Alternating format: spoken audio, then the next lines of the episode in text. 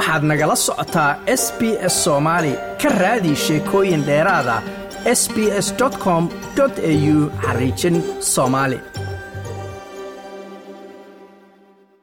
bismillaahi raxmaan raxiim marka ugu horeyso ilaahay waxaan ka baryanaa in uu xaalada toosiyo.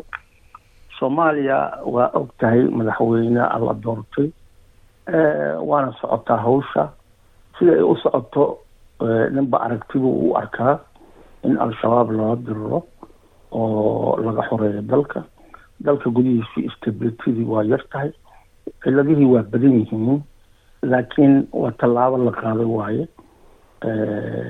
Ciidamo badanna waa joogaan dalkii ciidamada badanna waa leenahay wadankiina waa weli waa xasililana marka waxaan rajaynayaa in shuruucaha la samaynayo aysan noqon mid fidno ah ay noqdaan wax ummadaas wax tagi doono waxaan rajaynayaa in nidaamka dowladnimada lagu shaqeeyo. Waa gartay. Marka magaalada baydhabo waxaa ka socda xarunta gobolka baay maamul goboleedka south west. Waxaa ka furmay shirka golaha wadatashiga qaran oo u dhexeeya madaxda dowladda federaalka iyo kuwa dowlad goboleedyada dalka inkastoo iyo gobolka banaadir aan inkastoo puntland ay ka maqan tahay. Maxaad is leedahay ilaa iyo hadda lama sheegin ajandayaasha cadcad oo looga hadlayo maxay soo kordhin karaan maxaa looga dan leeyahy runtii horta soomaaliya waa dad dhul iyo dad walaalo ah isku afa isku diin ah isku aragti ah aragti kala duwan leh. Federaal baanu qaadanay qola laga maarmo malaha federaalka waa in dadka gobol kasta ay joogaan la wada hadlo nin kasta ra'yigiisa uu ka dhiibto waa in lasu yimaadaa qolo kaliya inay shirto waxay keenaan wixii kalena aan la qaadan meeshii unbaa la joogaya waxaan rajaynayaa in laga wada qeyb galo. Waxa soo waxa ka soo baxana aan wada aragno ay noqdaan mid ummadda u faa'iideynayo oo mataqaanaa waa in wax kastana waxa weeye oo meeshaan maanta ka dhaco responsibilityga ninka sharciga iyo diinta iyo dastuurka iyo waxaa mas'uulka ah madaxweynaha wax alla wixii hallaabo asaga ayaa responsibilityga qaadan doona. Marka waxaan rajaynayaa inuu dad fiican aqoon leh soomaaliyana wax ka qaban karo inuu la tashado uusan talooyin khalad inuu qaato meel cidla dhinaya u rajaynaya shirkana guul baan ka sugaynaa ma rabno inaan hadda ka hor dhaco.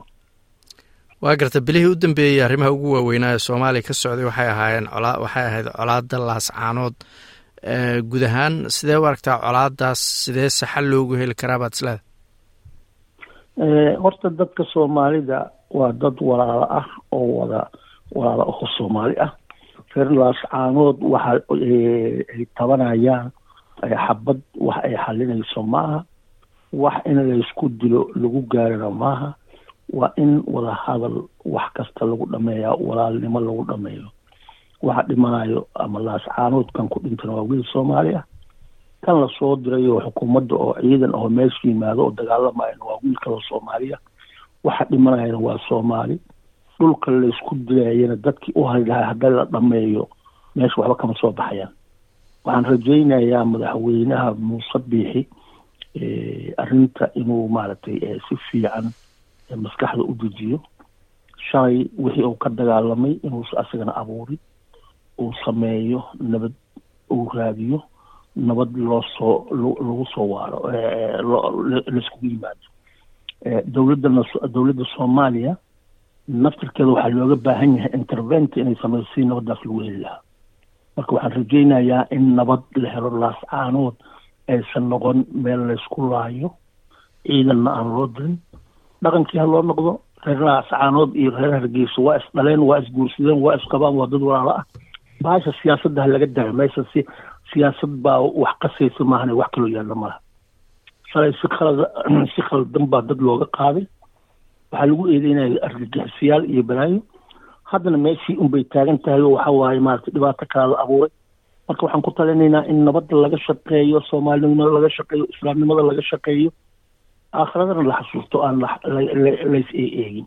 Waa gartay hadda waxaa la sheegaa in etoobiya ay tahay cidda labada dhinac dhexdhexaadinaysa ama dhexdhexaadinta ugu jirta colaadda laascaano in soomaalida iyagu ay safgaran waayeen oo heshiin waayeen oo ama dowlad dhexe ha noqoto ama dhinaca doontaba ha noqotay oo hadda etoobiya ay iyadu dhexdhexaadintaas ku jirta maxay ka turjumaysaa?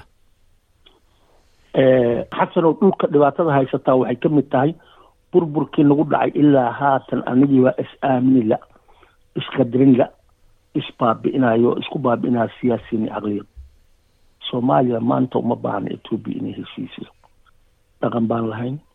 Dad waxaan ahayn qabaa'il degan oo odayaal lahoo wax leh. Iyadoon dowlad lahayn oo ciidan lahayn oo aan laisdilin baa markii laisdilo la heshiin jiro wax la samayn jira maanta inuu shisheeye una dhexgala maaha.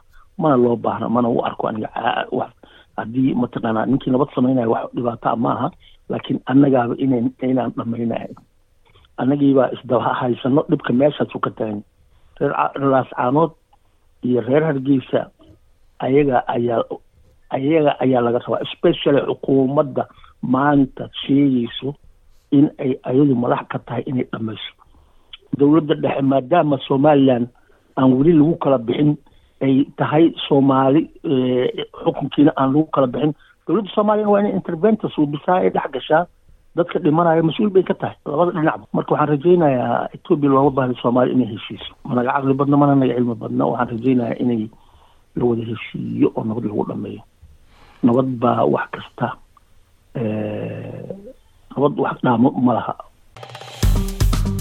Like aas la wadaag wax ka dheh lana soco barta facebooka ee sb s soomaali